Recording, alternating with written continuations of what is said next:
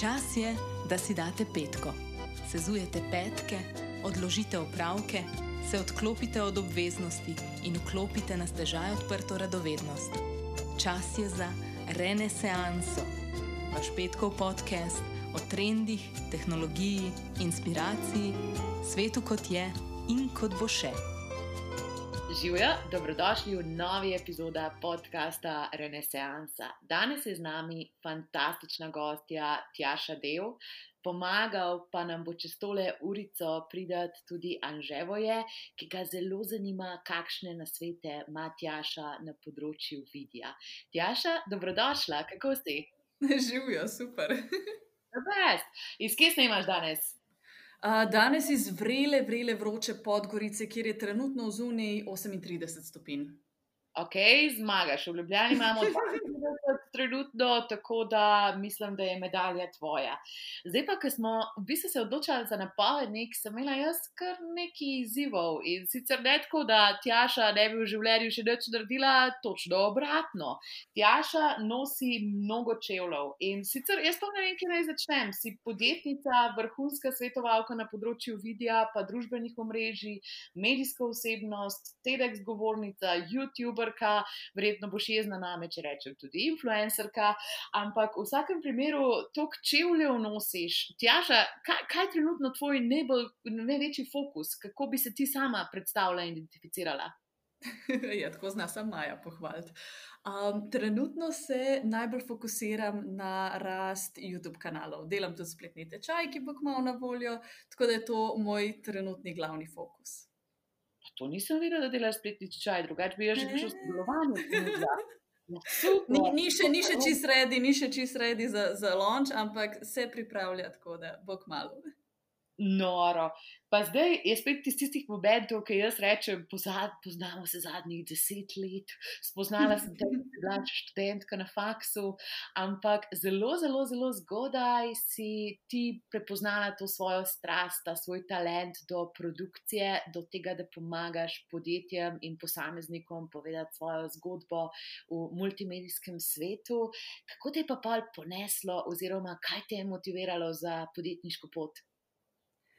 Huh, to je bil v bistvu en tak proces poznavanja same sebe, kjer sem v kakršnem koli delovnem okolju delala, čeprav sem full rada delala tam, mi vedno nekaj ni ustrezalo. Ali je bil to vem, način dela, ali je bil to nek uh, medsebojni, ne vem, kako smo se uh, družili z ostalimi, ali je bil to način ocenjevanja uspešnosti dela. Vem, vedno mi je nekaj falil.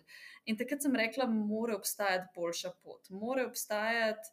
Nek boljši način, da jaz lahko delujem, da jaz lahko delam, da sem jaz lahko na umu svojemu peak productivityju, ampak to verjetno ne bo v nekih klasičnih okvirih dela od sedmih do štirih.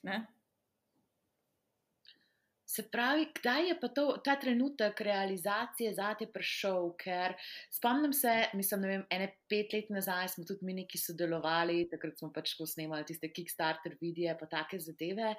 In meni si bila ti vedno tako zanimiva, ker si bila tako odločna.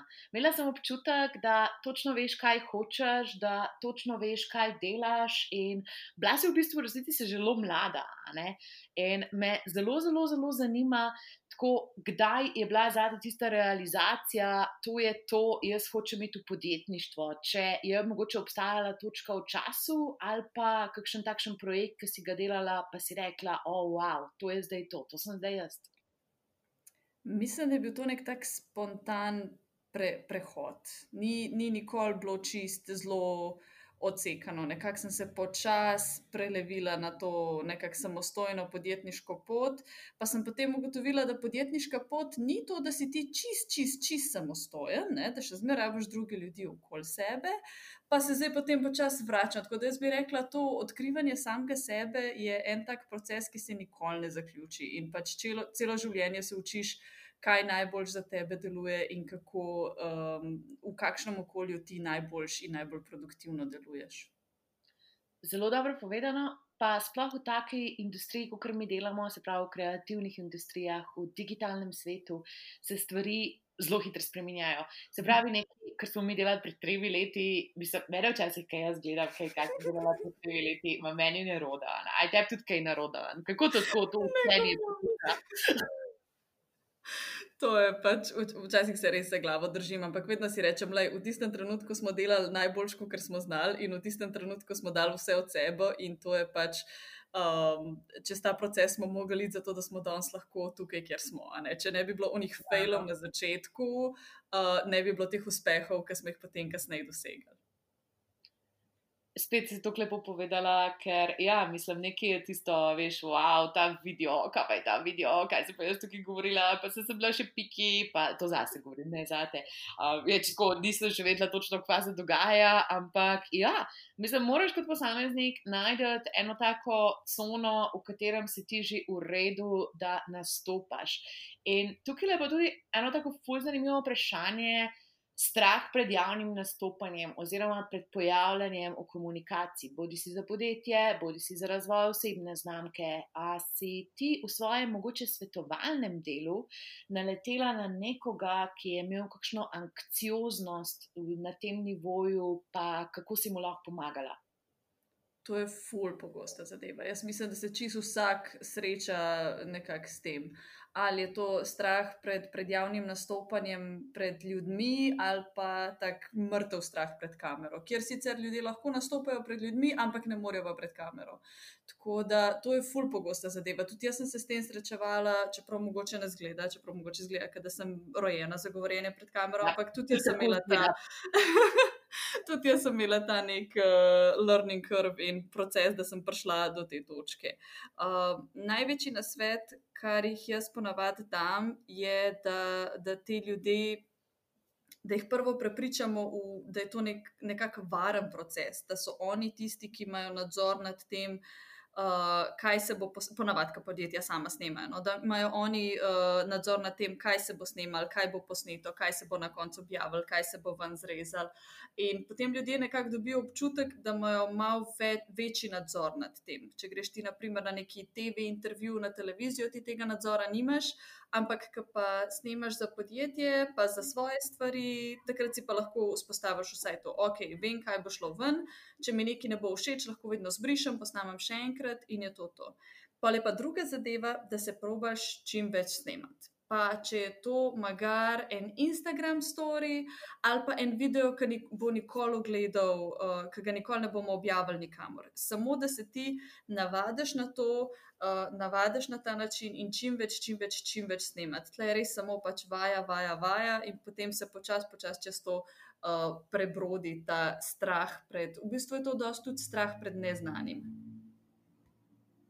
E, odlično si to spet povedala. Uh, Um, ta levaja je bil za me en takšen uh, zelo klic bojenja, ker, um, ja, mislim, sploh v živo je meni blazno težko iti. Mislim, tisto vedno, vedno, vedno imam tisto, joj, kaj pa če se zmotam, kaj pa če angliščina ne bo perfektna, tisto, kaj pa, kaj pa, kaj pa, kaj pa, kaj pa. In grem sama sebi na živce, koliko včasih ne realiziram te stvari zaradi enih čist neupravičenih strahov.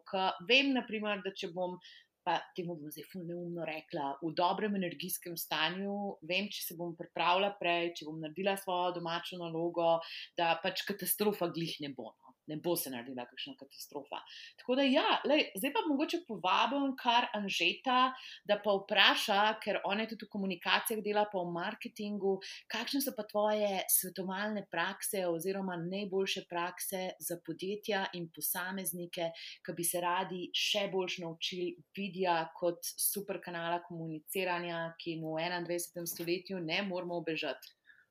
Ja, si tukaj imaš že ogromno znanja ne? in uh, lepo slišati, da, um, uh, da boš to tudi delila zdaj v obliki uh, tečajev.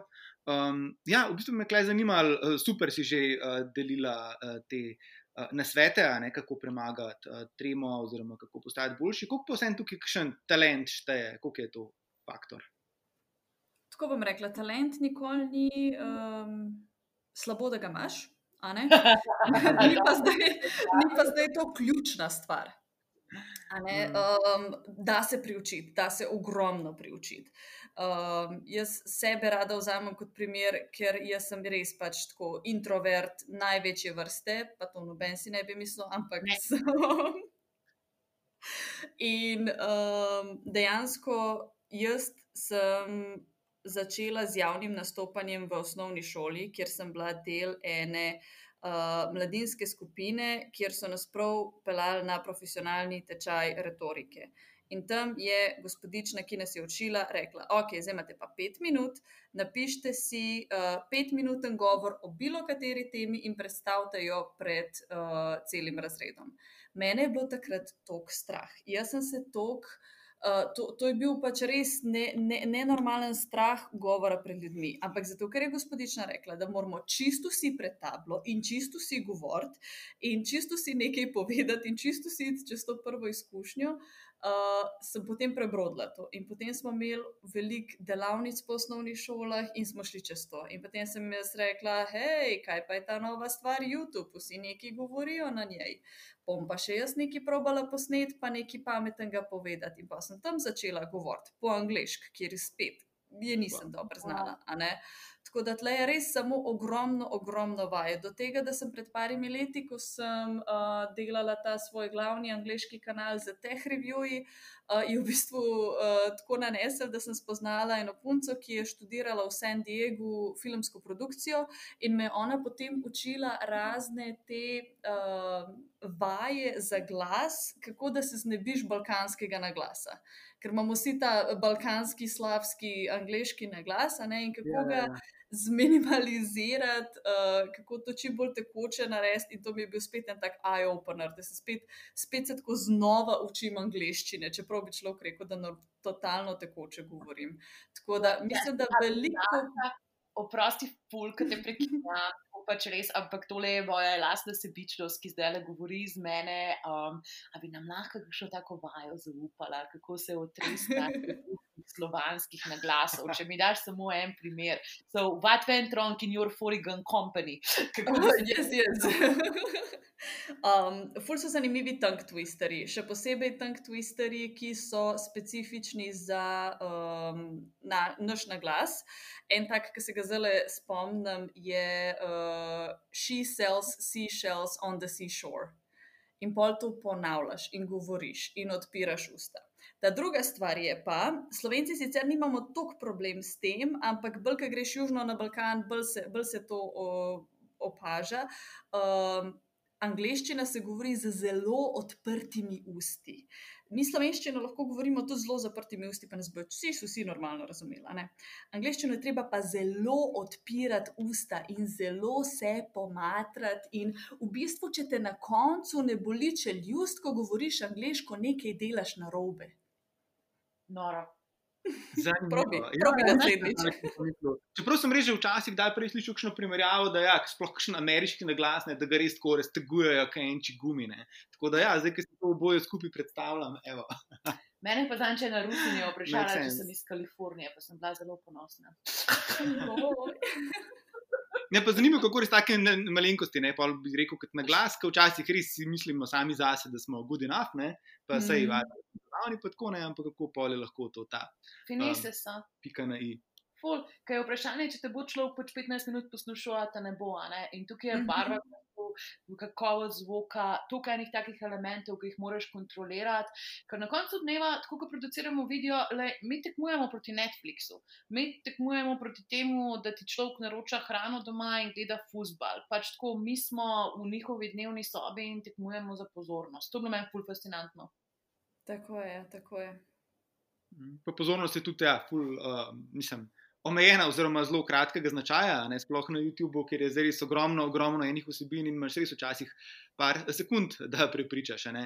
In res je lepo videti. No? Eh, sicer pa na drugi strani ta ponudba vsebine, kako pa globalno in tudi slovenski YouTube, ne? kako se v zadnjih letih zelo lepo razvija, si je kar lepo število posameznikov tudi pri nas že ustvarilo ime, gor imajo svoje občinstvo. Um, Vključno s Jašo. Seveda. Uh, a bi lahko izpostavili kaj trendov, um, kaj, je, kaj ljudje leta 2020 uh, radi gledajo, oziroma kaj deluje na YouTubu? Uh, predvsem opažam, da je en glavni trend um, vsebina, ki jaz rečem, pametna vsebina. Ker nekdo deli neko svoje specifično znanje, specifične izkušnje, uh, specifič, nekaj zelo specifičnega samo za njega, deli to z vsemi ostalimi. In včasih je bilo to tako zelo omejeno na naprimer tehnologijo, pa make-up, pa fashion, pa to je to. Zdaj imaš pa res to toliko različnih ljudi, toliko različnih uh, veščin, interesov, od tega, da imaš uh, mali milijon nekih gardening kanalov, uh, do tega, da lahko si res pogledaš. Uh, Specifike za, za čisto vsako stvar, ki te zanima v življenju, za čisto vsako stvar, ki, za katero bi se ti lahko zanimal, imaš um, na YouTubu videe, ki ti podrobno prikazujejo, kako se pa to naredi. Pa ne bo to restauriranje pohištva ali pa naprimer restauriranje starih usnjenih čevljev. Uh, Zanč mi je YouTube ponudil en ASMR video na to tematiko, pogledala sem celih 20 minut, pa še dva za tem. Tako da, kar se tega tiče, res pač uh, knowledge, kako v bistvu združiš knowledge in entertainment v eno. To se mi zdi, da je en tak um, magičen balonček, kjer se vse noter dogaja. Cool. In ja, seveda je pa to občinstvo in vse te vsebine, kjer lahko vsak najde nekaj zase ali pa rešitev za vsak svoj problem. Um, zanimiva tudi za praktično že, že za vedno več podjetij, ne tudi vlaga v YouTube. Kot, Eh, kanal. Tako da, poleg čist oglaševanja, kje je dobre prakse, si pa zaznala pri podjetjih, ki se trudijo mogoče na bolj organske načine, da prek YouTube dosežejo nove občinstva. Uh mhm. -huh. Zdaj, YouTube se ti kot podjetje lahko lotiš na več načinov. En je, naprimer, da se tvoje podjetje pozicionira kot nek um, sponzor kanala in je v bistvu upleteno vsebino, ampak ni pa zdaj ful očitno, da je pač to samo o tem pa tem podjetju. En tak fajn primer je naprimer od Telekoma Slovenije kanal z imenom Neki Neki, kjer so si želeli, da targetirajo res mlade. Um, pač tem ogromnim podjetjem vedno je tisti velik, težek segment, kako dosežeti mlade. Zato, ker se ne odzivajo več na televizijo, uh, ne, mislim, brez veze so jim TV reklame, ne moreš jih več s TV reklamami uh, dosežeti, kako, kako, kako. In so rekli, da imamo narediti kanal, ki bo vzel vsebino, ki jo mladi fula radi konzumirajo. In so naredili. Res tako full-on entertainment kanal, neki neki, kjer imaš um, challenge, izzive, uh, razne popularne pevce, pevke. Pač res vse, kar mlade zanima, so tako zgužvali noter v en YouTube kanal, full dobro zapakirali, uh, dodali fajn produkcijo zraven in je res ko um, noro dobro izpadali, so tudi pobrali ogromen nagrad in uh, ostalih um, odzivov in tega. Drugi način je pa, naprimer, da se pozicioniraš kot strokovnjak na svojem področju, kot sem prej omenila, in deliš potem svoje znanje z potencijalno novo publiko. In pač, če je to dobro zastavljen, lahko dosežeš tudi povsem nove segmente kupcev, ki si drugače niti ne bi mislil, da bi lahko uh, bili zainteresirani za uh, tvoje podjetje oziroma za to, kar prodajaš. En tak interesanten primer mhm. je uh, jaz spremljam trgovino z akvaristično opremo iz Budimpešte. Zakaj? Wow. Zato, ker delajo tako noro dobre videe, ki so tako pomirjujoči, uh, z takimi res cinematičnimi scenami svojih ogromnih akvarijev. Ampak po drugi strani pa tako dobro razložijo, kaj vse ti rabiš za tak akvarij, uh, kakšno vse mehaniko rabiš da zraven, kako imaš lahko, ne vem, kako lahko cenejši izvedeš ta akvarij, kako lahko res ekstra super, oh in sploh ga uh, naštimaš. In na koncu dneva sem jaz tako, hej, jaz hočem imeti doma 100 litrski akvarij, pa me prej to nikoli nikoli ni zanimala. Ne? Wow, se pravi, čista art, uh, dobre produkcije, dobrega pač, ja, engagementa. In, mm -hmm. wow. um, se, kako, pa, um, kako, kako pa svetuješ, da začeti s takimi kanali, idejami, uh, oziroma produkcijo vsebin recimo nekom, za neko recimo, relativno malo manjše podjetje, kot je gotovo, ne, tudi tole zakvari, um, ki še ne ve, kako bi se lotila tega. Ve, da bi bilo fajn nekaj na YouTubu delati, ampak. Uh -huh. jaz, vedno, jaz vedno začnem s tremi vprašanji. In to je, uh -huh. kaj bomo snemali, zakaj bomo snemali in za koga bomo snemali. To so ta tri tipična, tudi marketinško, uh, podjetniška vprašanja, ki morajo biti vsakmu jasna, ki se, ki se spušča v kakršne koli uh, marketing. In to je kaj bomo snemali. A bodo to zabavni videi, a bodo to education videi, in kako lahko združimo ta, to, ta zabavni element z tem, uh, kar mi delamo. Zdaj, ki jaz rečem zabavni, jaz ne mislim toliko uh, zabavni v tem slovenskem smislu, happy, happy, skačemo okoli, ampak bolj v smislu entertainment. Uh, uh, kako da nekako zanimiraš človeka, kako bo to njemu interesantno. Potem druga stvar bi bila, da pogledamo, kakšni so naši resursi, kaj imamo na voljo. Ali imamo mogoče v podjetju nekoga, ki zna montirati, ali ima nekdo, mogoče sin ali pa hčerko doma, ki zna montirati, ali kaj imamo od kamere, ali lahko izkoristimo še malo boljši telefon, ki ga ima uh, kdo od naših zaposlenih. Uh, da si res pregledamo, kaj imamo na voljo, kako smo s prostorom in tudi kako smo s časom, ali bomo temu lahko sploh posvetili dovolj časa. Zato, ker to so stvari, ki so izjemno resource intensive, ampak na koncu lahko dajo pa tudi ogromen output uh, ven. In to so stvari, ki jih enkrat naredimo, pa potem nam prinašajo stranke še dolg, dolg, dolg časa, potem, ko se mi aktivno ne ukvarjamo več s tem, čeprav je vedno dobro, da se aktivno ukvarjamo s tem potem naslednja zadeva bi bila, da si res pripravimo seznam videov za dva meseca vnaprej, da točno vemo, kaj bomo snemali, um, katere stvari uh, so nam interesantne. Ali pa ajde na začetku, vsaj za en mesec naprej, pa pol vidiš odziv ljudi. Uh, pa potem spet začneš, uh, pa potem iz tam lahko črpaš naprej v ideje. Tle, naprimer, se ful dobro vprašati, kaj so, naprimer, kakšna taka pogosta vprašanja, ki jih dobimo od strank, pa bi jih lahko pretvorilo video, pa nam to tudi skrajša čas odgovarjanja strankam, ker jim enostavno lahko rečemo, hej, če pa rabite več informacij o tej tematiki, si pa lahko pogledate ta video, ki smo ga posnela. Uh, Um, in s tem tudi dosežemo to, da imamo redni video upload, da se nam slučajno ne zgodi, da bi um, se zagnali v projekt. Prvi mesec ful dobro delamo, drugi mesec tudi ful dobro delamo, tretji mesec nam pa pol zmanjka zagona, pa nimamo niti video, niti nič, da bi objavili. Ja, ja, ja, pa ostane osamljen mm. kanal. Ja, ja, ja. in zato je tudi full fine, full fine ena taktika, um, ki se jo jaz full rada poslužujem in to je batch recording. In to je, da si vzameš en dan ali pa en vikend ali pa eno soboto ali pa kakorkoli pa se v tistem enem dnevu posname več videov naenkrat.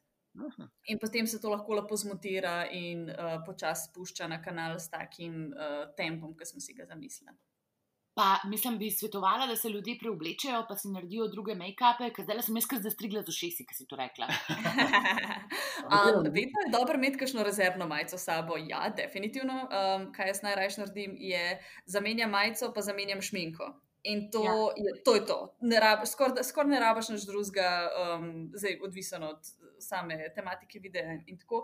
Ampak da, da ima oseba občutek, da je to drug dan, um, menjava majice, pa menjava šminke, pa je to. to. Noro, kako pa to na uh, moške apliciramo majica? Menjava majice, srajce. Ja. Eno, eno drugo blazino, eno drugo rožo daš v zadnji ali pa kaj takega.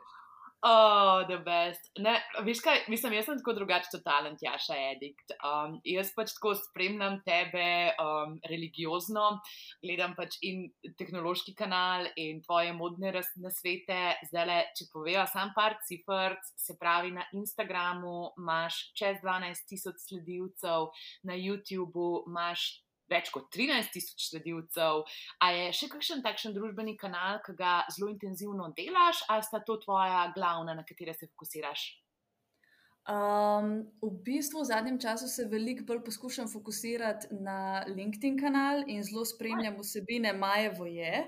Tako da uh, moram to zelo še pojačati, no, ampak uh, načeloma bo to zdaj uh, več ali manj postal kar moj uh, primarni, poleg Instagrama, ki mi je tako zelo zaužitek. Dobro, Majo je, je bilo za moment nerodno, saj prejšnji mesec ni bila preveč objavljena pri teh vsebin, ampak zdaj, ko slišim, kakšno publiko imam, mm, pritiski so veliki. Ampak ne, meni je fully všeč tvoj svet. Zakaj mi je všeč tvoj svet? Je, ker deliš na takšen iskren način in pač mucek Miša in partner oziroma zaročenec, da je čestitam za to Miloš in pač tvoja poslovna pot. Tako imam občutek, kar da čez to, kar jaz absorbiram, absorbine na tvojih družbenih omrežjih, da ostajajo povezane, čeprav ti živiš v drugi državi.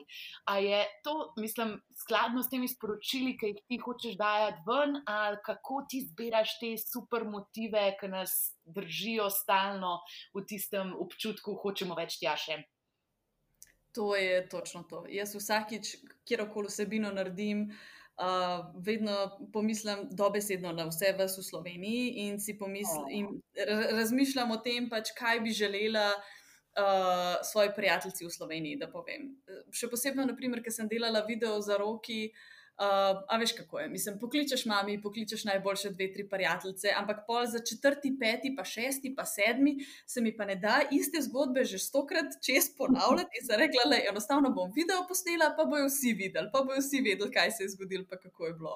Pa tudi ne vem, ne pozabiš nekih malih detajlov, ki se drugače čez čas zgubijo v zgodbah in tako naprej. Pol se mi edin zgodi, da mi moje črnogorske prijateljice uh, pridejo sem pa pravijo, da ti ja še te povem še enkrat, kako se je zgodilo, ker sem gledala video, veš, ampak več kot deset minut pa nisem razumela, tako da mi moraš vse enkrat vse povedati. Ne, samo to je noro, da imaš tako občinstvo, mislim, kljub temu, da ne razume, da še vedno gleda. In zdaj se bodo dotaknile potem uh, tudi to, kako lekoleziraš, kako pač pripravljaš vsebine za tvoje globalno občinstvo, slovensko občinstvo, črnogorsko občinstvo. Ampak še preden gremo pa na to zelo zanimivo področje, bi te pa jaz rada vprašala še glede sodelovanj s podjetji. Se pravi, vem, da je izraza influencerka ne maraš, ampak oprosti mi, jaz ustrezne so pomenke, nimam v mojem besednem zakladu.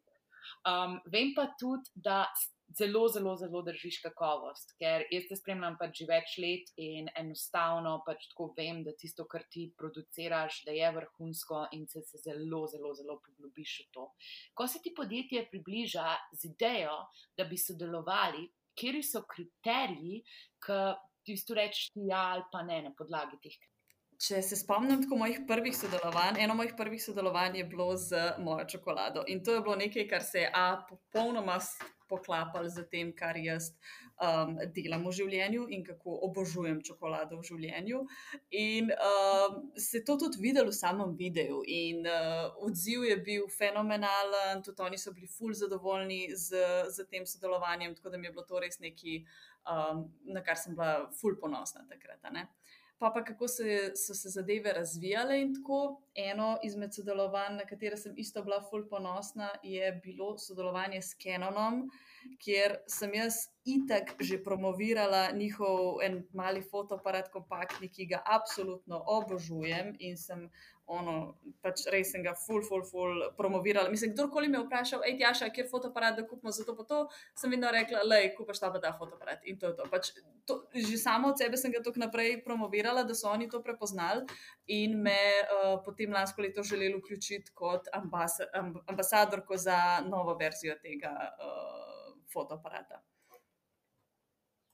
Ne, to je super in mislim, da je čez to, kar si ti delila primere, da pač vidimo, kako je res ta tvoja osebina avtentična. In ful mi je bilo všeč, ker si dala tudi ta aspekt cene ven. Zakaj? Ne samo zato, ker sem jaz iz Gorenske in pač pazim, da vsak svet v svojem življenju, ampak zato, ker realnost, le za večino žensk ni to, da bi šla na Milano in si kupila pet uh, torbic pač od Gučija in od Prade in kaj jaz vem, kaj vse, ampak pač s tistim budžetom, ki ga imamo, poskušamo narediti najboljše. In tukaj je pa res ogromna pohvala na področju produkcije vsebin, kako tudi, kako reraš izdelke, pač tako poznati svoje občinstvo. Jaz ti ne znam drugega reči, ker pač ti veš, kaj je tvojim puncem in fantom všeč in v kakšnih socialnih življenjih so oni. A ti to zelo analitiko gledaš, a se zelo pogovarjaš s svojim občinstvom, kako da jih tako dobro poznaš, nas dobro poznaš. uh, pa, znači, tako, kot sem ti rekla prej, v bistvu jaz delam uh, videe za svoje prijateljice. In moje prijateljice jaz poznam. Jaz vem, kam zahajajo, jaz vem, s kom se družijo, jaz vem, uh, od prilike, kakšno muziko poslušajo, in jaz delam vsebine za te osebe. Zdaj pa, če se še drugi prepoznajo v teh osebah in v teh vsebinah, pa to boljša. Ne?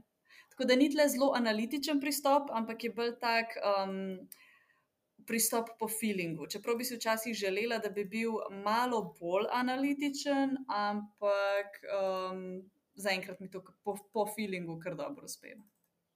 Ne, pa tudi mogoče, a veš, kako pogledamo um, to tvojo tehnološkost, uporabila bom izraz tehnološkost, ker se zelo trudim slovensko govoriti, uh, pač teh sebi bi rekla temu v angliščini. Um, pač tako zanimivo mi je, kako znaš ti ene kompleksne ideje razložiti na en takšen zelo razumljiv način, in kako svojo energijo in zanosom podajaš to širši populaciji. In zaradi tega pač jaz absolutno mislim, da bo tvoj online kurs uspešnica, komaj ga čakam. Uh, če rabiš karkoli vedeti o platformah za kurse, smo mi danes jih enega lansirali, tako da definitivno so lahko navezi na to temo.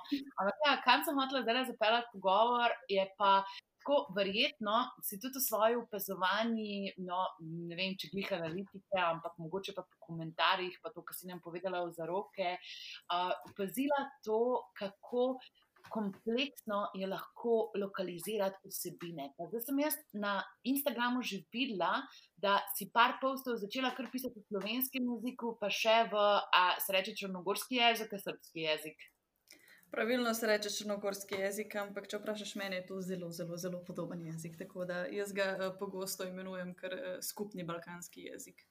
Ok, okay to je ta naša balkanska. In se pa spomnim, ko smo se imeli na zadnje dobile tukaj v Ljubljani, ko si mi razlagala, kako se učiš jezika. Se pravi, če bi zdaj mečkim lahko pojasnili, prosim, kako je potekala tvoja selitev v Črnogoro, prilagoditev na čist novo življenje in kako zdaj v bistvu na svojih družbenih omrežjih tudi um, ne samo prijateljice iz Slovenije naslavljaš, ampak tudi prijateljice iz Podgorice in ostale Črne Gore.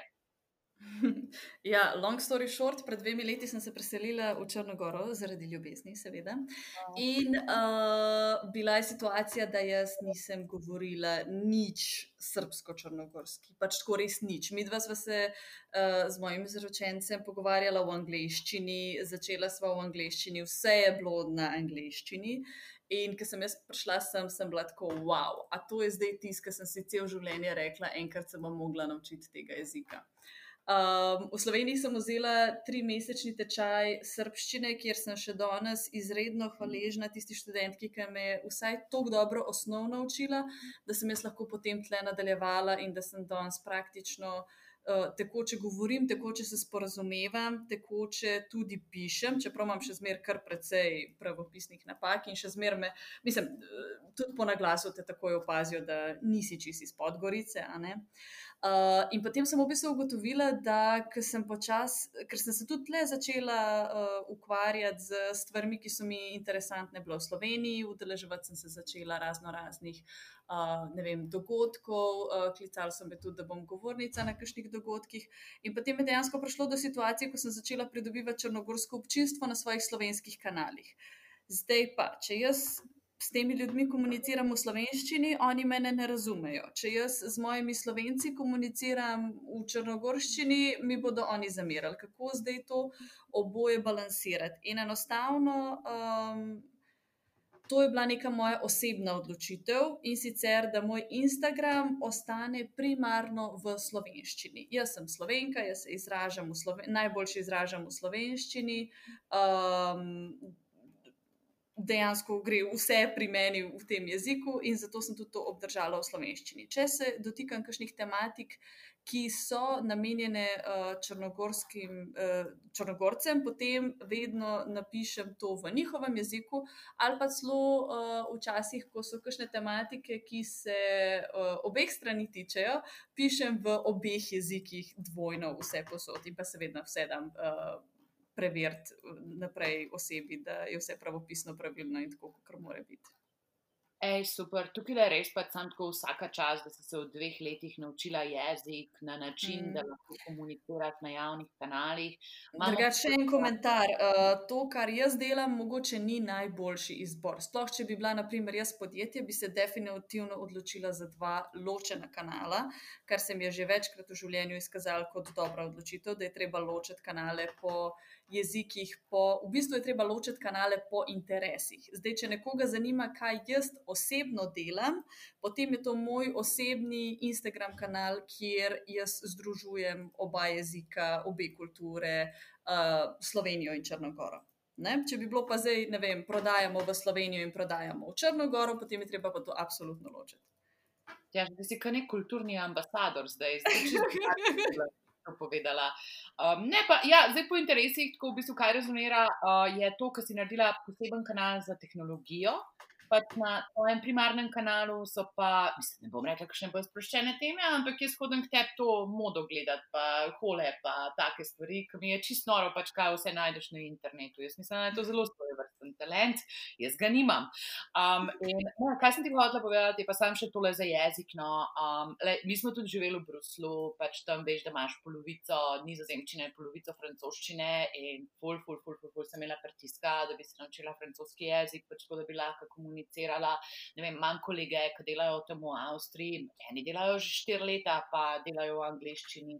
Tako da tako v dveh letih, da se naučiš tako, da lahko komuniciraš, pa svetuješ, pa delaš podjetje tudi tam dol, uh, je amazing. Pač tako res vsaka čast. Uh, verjamem, kaj te je motiviralo, ampak sam tako sidram, ne uspe vsakmu. Mm, mm. Meni, meni je bilo to res ključno, da se naučim jezika, zaradi tega, ker sem zelo hitro opazila pri ljudeh, da ne, niti ne, da, da ne znajo tako dobro angliško. Imáš ljudi, ki znajo super angliško, ampak ko govorijo o angliščini, ker to ni njihov materni jezik, čutiš neko prepreko. Nikoli ne moreš tako priti blizu do človeka, kot lahko prideš blizu v njihovem maternem jeziku.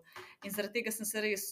Od začetka, od začetka sem se odločila, okay, če hočem delati na tem področju, če, hoče, če hočem biti uspešna tudi v Črni Gori z vsem, kar delam, jaz se moram naučiti jezika. Jaz moram uh, ker jezik ima tudi neke specifike, ki so kulturno specifične, ki so za razumevanje ljudi specifične. In ker se ti to naučiš, ker ti greš čez to, potem ti je tudi lažje razumeti te ljudi in lažje najdeš primere, ki so njim blizu, in spet razložiš stvari na način, ki bodo njim najboljše razumljivi. Tukaj je pa ta tvoja umetnost storytellinga. Um, A veš, kje sem se to naučila? A veš, kje sem se to naučila? To je čisto hitro. To ja. sem se pa naučila, ker sem delala v Big Bangu in sem prodajala um, uh, uh, velike, uh, velike gospodinske aparate, razne hladilnike. Zdaj uh, svoje prodajala, o, o, o, kako jaz tega nisem vedela. ja, no, jaz sem pač res razturala prodajo hladilnikov in uh, ostalih velikih gospodinskih aparatov. In enostavno, ko prideš tja in je človek tako, ok, kaj pa je to pečica s pirolizo? Pa moraš pač ti razložiti tako, da. Ker žena ve, kaj je to pečica s pirolizo. Ti, treba, to, ti to moraš na tak način razložiti, da bo tudi mož vedel, kaj je to pečica s pirolizo, in da bo tudi on na koncu navdušen in bo hotel kupiti to pečico s pirolizo. Jaz prvi slišim, kaj je to.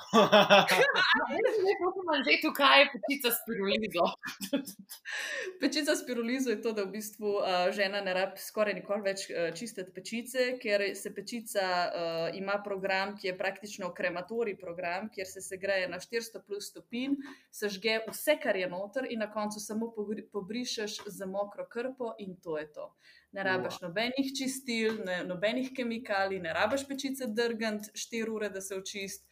To naštimaš, greš ven na izlet, ko se vrneš, je pečica čista. Legal, že že Google. Nas je on majster za pečico, tako da ja, tole bi bila tako dobrodošla informacija o lajku, očitno. Ej, ful, ful, ful, ful, ful, dober, hvala, ker si še ta primer povedala. Veš, te zgodbe so vedno najbolj sjajne in sočne. Um, zdaj ga tako čisto tako pragmatično vprašanje, da zaključiva tole sekcijo o družbenih omrežjih in vseh čudovitih stvari, ki jih ti tam gor delaš. Mal si že prej povedala o tem, kako naprimer, lahko snemaš na zalogo, kako se moraš pripravljati, če se vrnemo na prvi del podcasta. Ampak čisto praktično, veš, če bi, na primer, jaz prišla do tebe in rekla: O moj bog, Tjaša, jaz sem tok Boga, jaz imam samo 800 followerjev na Instagramu in res se mi ne da objavljati. Vem, da nočejo ljudje cele dneve gledati mojega psa. Kako se jaz lotim tega, da bi imela eno tako konsistentno in inteligentno prisotnost? Um, kaj bi bil tvoj nasvet meni? Uh, prva bi bil na svet, da pogruntaš, uh, v kateri sferi bi želela biti poznana. Jaz mislim, da imaš ti to kar dobro razdeljen za sebe in lepo te prosim, ne umikaj me ganči iz profila, ker jo imamo vsi ful radi in čist nič manj psa ni treba. to je prva zadeva. Druga zadeva je pa res ta uh, konsistentnost in da se osredotočiš na to, po čemer bi rada bila poznana in da probaš to čez nekakšen svojej skúšne predstav. predstav. Mm-hmm. To niti ne rabi biti uh, neko pametovanje, doskrat se, se radi zapletemo v to zanko, da smo danes, vam bom pa jaz povedala, kako se pravilno napravi to pa to stvar. Ni nobene potrebe, potem pa ljudje znajo hitro se distancirati od tega, zelo hitro uh, naletiš na nek odpor. Tako da je bolj, da čez neke svoje lastne primere, čez neke svoje lastne zgodbice, čez neke svoje lastne situacije, ki so seveda opremljene z estetskimi fotografijami, to vse skupaj zapakiraš in pa konsistentnost. Sploh, kar se tiče uh, specifično Instagrama, um, se dejansko fulbol daje podarke na storije v zadnjih časih. Ja. Tako da res, da. da pač, ko objavljaš story, ti zdaj, ko objavljaš story, da ni to en, dva story, da so to minimalno štirje story. Ker štirje story so dovolj, da nekdo, ki skrola čez story, sploh opazi, da je preletel na tvoj profil. Ej, to je tako zanimivo in tako specifično. In spet, pač, kot si prej rekla, se spomnim pač v prvem delu, ko si govorila o tem, kako se moramo pač pripravljati in pametno delati stvari. Um, veš, kaj je mogoče samo še ena taka stvar. Mene Kada imam anksioznost do tega, da ne znam dosti dobro videti, da bi delala več videov. In naravno bom gravitirala k uh, platformam, ki so pisanje, ki lahko pač pišeš svoje statuse, kot da bi pač snimala te kratke videe in storije, zato ker meni se zdi, da pač tisto, kar jaz nekaj odprem usta, da je že storija konc. Um, a imaš mogoče kakšen takšen nasvet, še, kako se mogoče te ljudje, ki nismo nativni na teh družbenih omrežjih, lahko prepravimo, da si jih ne delamo sramote, ali štjaša. Mhm. Ker rečeš, da, da, da ti ne gre ta video, kaj točno misliš s tem? Uh, je to, da se stori prehiter zaključ, pa da nekako ne moreš svoje ideje oblikovati, ali na kakšen način uh, praviš, da, da ti ne gre video? Hvala za to pod vprašanje. Uh, v bistvu, tako, veš, v osnovni šoli so nas naročili v tragičen dramski prihotnik. Vsaka zgodba mora imeti začetek, oziroma neko tako ogrevanje, pol prideš do vrha in pol na koncu imaš neko rezolucijo. In čisto pač tako iz vidika te omejene pozornosti in pač tega, da moraš v prvih par sekundah zažgati. Jaz sem najboljši akcij, tako pač potem po neki peti, deseti minuti govorim, takrat se pač meni užge in pač to naredim. Ampak ja, v bistvu me tako najbolj frustrira frustrira, kako narediti social media first video. Ker jaz lahko neki screen shaream, a pa karkoli tasga, ampak to je boring. Kdo bo meni gledal eno uro, da jaz nažigam ten Google Analytico, Bog pomagi, se upravičujem vsem ljudem na Udemiju, ki to dejansko so naredili. Ampak ja, kje je bila kakšna taka najboljša praksa, Tjaša, kako producirati social media first video? Uh, če se spomnimo dramskega trikotnika, ja. začneš ja. na vrhu in potem nadaljuješ pozabiš na uvod. Uvod je v bistvu res minimalna zadeva. Um, če vzamemo, na primer, tvoj primer analitike, kako bi naredila en interesanten um, Instagram story session iz te analitike. Uh, recimo, da mi eno idejo, kaj je kakšen tak akcion, ki, ki ga bi mogel vsak videti, pa ne vem, neka zadeva, ki se da poštimati v parih korakih. Aha, kaj najdeš, da je konverzija full menta v kakšnem browserju in veš, da imaš tam tehničen bug. Ti si je fiks. E, super, vidiš. A vidiš, kako si mi ti to lahko razložila v šestih besedah, praktično. Ne? In da narediš, uh, naprimer, naslovni story, uh, kaj narediti, naslovni, v smislu slika, na kateri je tekst. Um, kako najdete bug v specifičnem browserju in potem greš naprej na tvojo faco, ki razložiš, ok, včasih niti ne opazimo to, ampak fulje pomemben, da pogledamo konverzije po posameznih browserjih, kjer lahko zelo hitro opazimo, da nam nekje pade konverzija in če na tem pade konverzija, pač pol, razložiš v bistvu, kaj je v zadje tega problema. Ne? Tako, why should you care? Ja, tako je, ta, ta, ta, ta, why should you care. In to naj ne bi bilo daljše od treh storijev. In če ti veš, kaj boš povedala točno, preden začneš snemati, boš ti to uspela zdrdrati v tri storije. Včasih ti ne bo rata, pa boš šla snemati še enkrat, ampak jaz ti povem, uspel ti bo v, storije, v tri storije to spraviti. In klele, potem imaš pa naslednji korak, potem imaš pa naslednji korak, uh, ta screen sharing, kjer ti dejansko pokažeš, uh, kako se to naklika in kje se gre to pogledati, in obvezno dodaj, dodaš zraven tudi tekstke. Uh, ne vem, prvo greš tukaj, pol greš tukaj, tukaj pogledamo to, tam pogledamo to. In to je to. In na koncu, kar jaz ful rada dam, je, da, da na koncu dam en tak uh, un pol oziroma vprašanje, da ne. A vam je bilo to interesantno, a hočete še več takih zadev, uh, ali pa ne vem, question box, kaj bi še lahko obdelali na ta način. In v bistvu dobiš a takoj feedback, a je bilo to koristno ali ne, pa ponavadi boš videla, da ti pač tako rasuje statistiko, tako, to, to, tako intenzivno znanje, ker so vsi tako, wow, to, mi, to sem v bistvu full arabu. Uh, po drugi strani imaš pa še uh, full fino priložnost, da ti ljudje povejo, kaj bi še radi gledali na ta način. Ej, noro, tako se zdaj počutim, da sem malo skočila. Ne? Tako zelo dober experience, ki si me na začetku vprašala, tako, kva bi rada, kva so tvoji wow momenti. In ja, zaradi tega pač jaz mislim, da ti fantastično delaš s podjetji, zaradi tega, ker se res znaš poglobiti v posameznika. In kljub temu, da te verjetno ne zanima, kje so zlomljene konverzije na posameznih bavharjih in kako zaradi ene neoptimizacije izgubiš več 10 tisoč dolarjev na mesec, um, si se pol dobro uživela vame in mislim, da sem imela res en takšen luškan, luškan, luškan demo, um, kako lahko en takšen story, ki mogoče ni ali tako iz prve nekomu naredimo, tako da, why should you care? Pač zakaj, zakaj, zakaj sem jaz uredna, da le teh par sekund tvoje pozornosti, ki ti bom povedala nekaj, uh, nekaj zanimivega.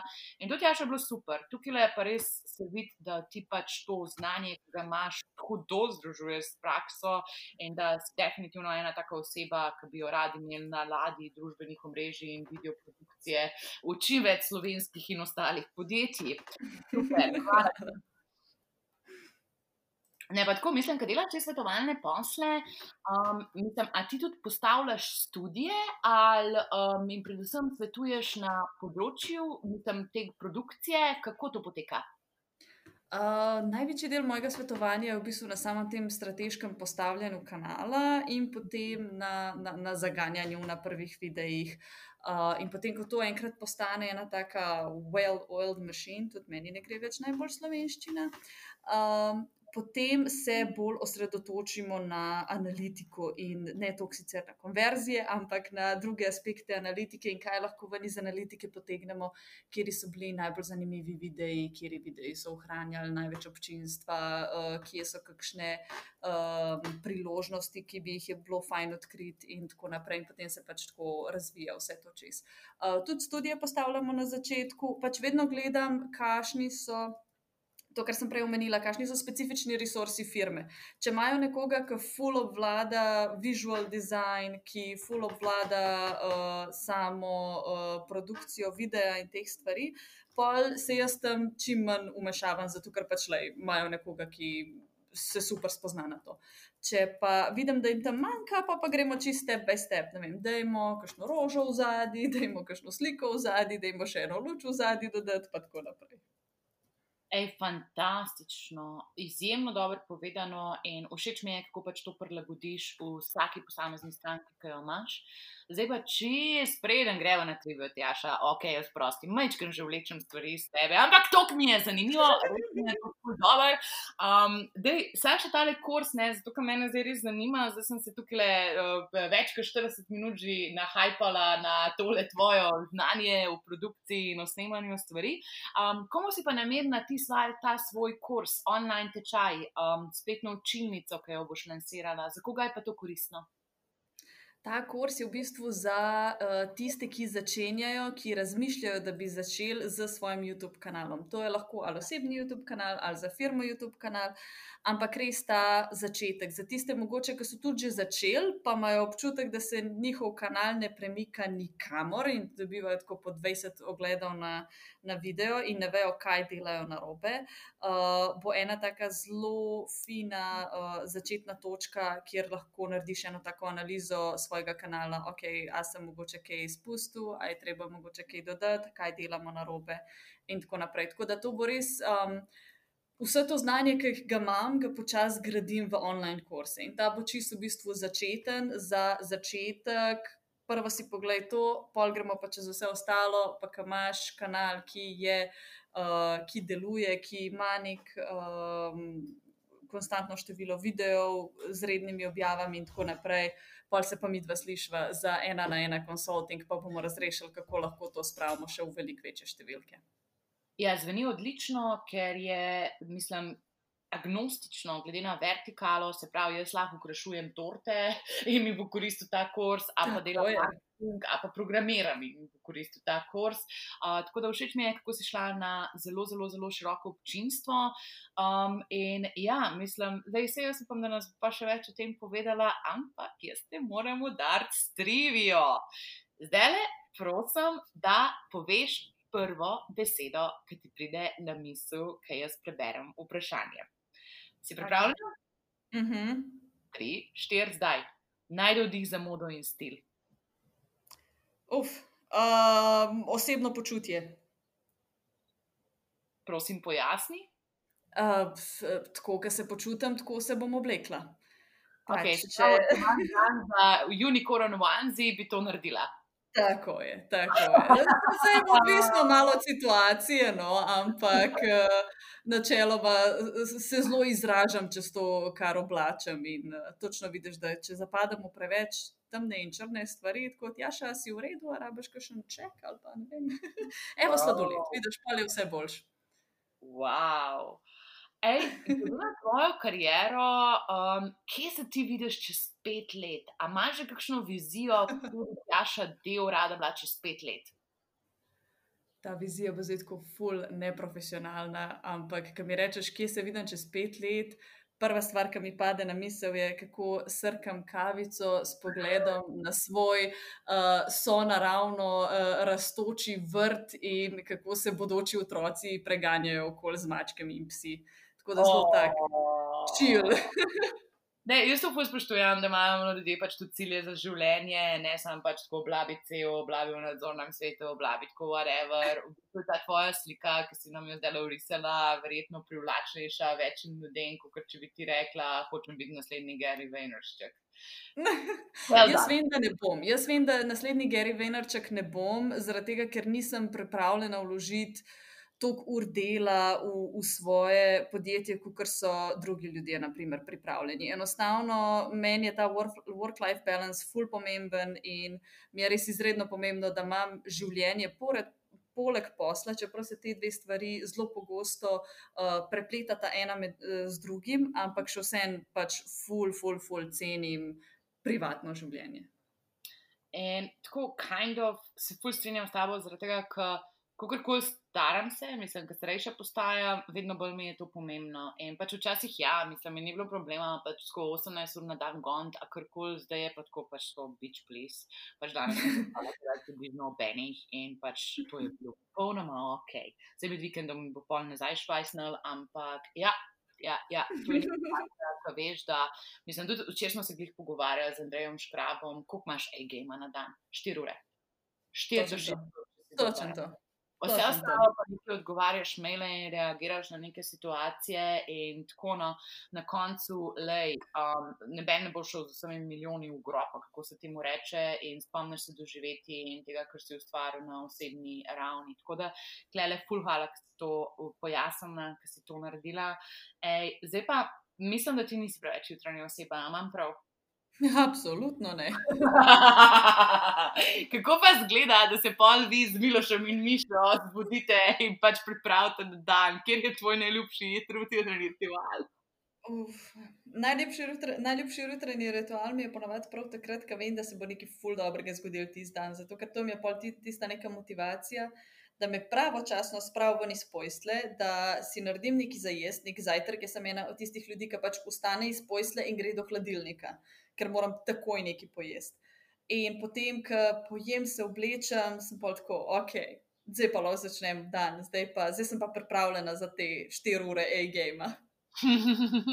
Se pravi, aha, zjutraj imaš pa še vedno en game, čeprav ti je težko ostati, imaš še vedno en takšen produktivnostni val. Mislim, lej, jaz živim v Črni Gori. Ne? Jutro se zaključi tam nekje ob 12. Tako da okay, pač. Hvala za ta podnik. Ampak ja, predtem imaš 12 do 3, reči, recimo, je ta, ta, ta na, ena, 11 do 3 je ta uh, najbolj produktivni čas. Ne? hvala, da si to delila z nami, nismo vedeli, kako to poteka v Montenegro. Ok, ej, pa pa sem še tako ena taka stvar, ki jo pa jaz pač fuj rada vprašam druge dame, je pa tako. Predstavljaj si, da bi zdaj do tebe prišla neka 16-letnica in verjetno se ti to dogaja, ko si ti prisotna, se ti verjetno to dogaja in rekla: Wow, Tjaša, jaz hočem biti čistko kot ti. Kva bi mi svetovala, da imam podobno kariero, kot jo imaš ti? kaj bi bil tvoj nasvet? Ne moreš biti čist kot jaz.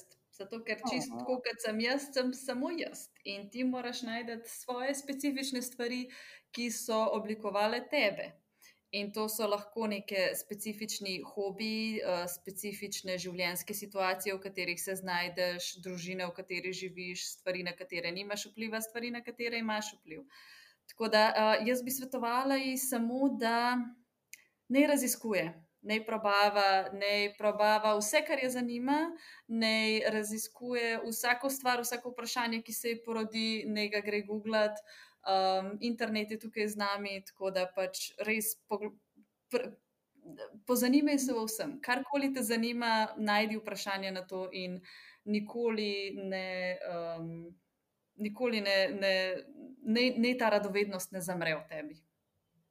Točno to smo hoteli zdaj reči, radovednost. Jašino ključno sporočilo je radovednost, da si pač tako mal na antenah, da se pač skozi nekaj dogaja. Tako da, ja, to si fenomenalno rekla, ker mislim, da kdaj rata str, takrat, ko se nehaš postavljati vprašanje takrat, ko pač tako te največ ne zanima, ko te največ navdušuje. Tako da ta mešanica radovednosti in neke inspiracije oziroma navdušenja je tisto, kar te drži na prstih in dela dobrega. Odlično, Tjaša. Uh, ne na zadnje, pa se moramo dotakniti, jaz fulupam, da nas boš nekaj še več v kursu povedala, tako pa zdaj kar grebem za te informacije, mogoče sem malo tečna, ampak kje lahko zvemo več o tebi? o tem, kaj delaš, in kaj načrtuješ, in če se hočemo slučajno na kakšno ali listo za kurs prijaviti, sam vprašam. Evo, direkt to sem ti hotela reči. Uh, link, link za pre-launch kursa uh, ti bom poslala, tako da ga lepo prosim, dodaj v uh, opis podcasta. Z veseljem, hvala lepa. Uh, drugače. Um, več o meni se da zvedeti na uh, YouTube kanalu Tjaša Del, seveda, na katerem nisem več prav hudo, da bi zdaj redno objavljala, ampak, lej, ko objavim, pa objavim nekaj fajnega. Ne? Uh, potem Instagram, isto, kar se pa poslovnih stvari tiče, pa uh, YouTube izobraževanj, YouTube znanja, novosti uh, strani YouTube in ostalega video marketinga, zato bo pa LinkedIn pravi naslov. Mm, in ki si glih to rekla, imam jaz za te še eno povabilo. A si zadnji narediva, potem, ko se ljudje vrnejo v službo, en LinkedIn live na temo videoprodukcije, pa tega, kaj ti nameravaš v svojem kursu. Jaz bi te bila zelo vesela, kot še ene gostje, tokrat v angliškem jeziku. Ja, valjda, komod z veseljem. Jej, to je the best. Alright, Tjaša, bila si fenomenalna kot vedno, tvoja energija je na steroidih, tvoja sporočila so močno konkretna, akcijska in fenomenalna za aktivacijo vseh nas, ki nam je video še malo bolj čuden, pa bomo to v možnem času spremenili. Um, Anže, ja. ti je bil zanimiv pogovor, ne? Ja, mislim, da si res Tjaša delila ene uh, super zadeve, no, tako eno zakladnico znanja že in se veselim, da pol v kursu vidimo pa še več stvari. A bo skupaj delala kurs? Zakaj pa ne? High five. Ne, še nekaj sem zaprla, dve stvari sem zaprla, LinkedIn Live s Tjašo in da bo z Anžetom skupaj delala video kurs. Fantastično. Vsem poslušalcem se najlepše zahvaljujemo za poslušanje. Če bi slučajno bili volje, da nam kakšnih pet zvezdic stisnete tja v review, bomo še bolj veseli. Ampak v vsakem primeru pa hvala, ker ste z nami, hvala, ker nas spremljate in ne pozabite slediti tudi Tjaše, ker to je nekaj, o čemer jaz uživam že več let. Tako da, hvala, hvala lepa, lepo, lepo, lepo bodi, pozdravčki, ubimčki in ljubčki v Črnogoro. Hvala lepo vsem vam, pa lepo se majte. Ciao. Ciao.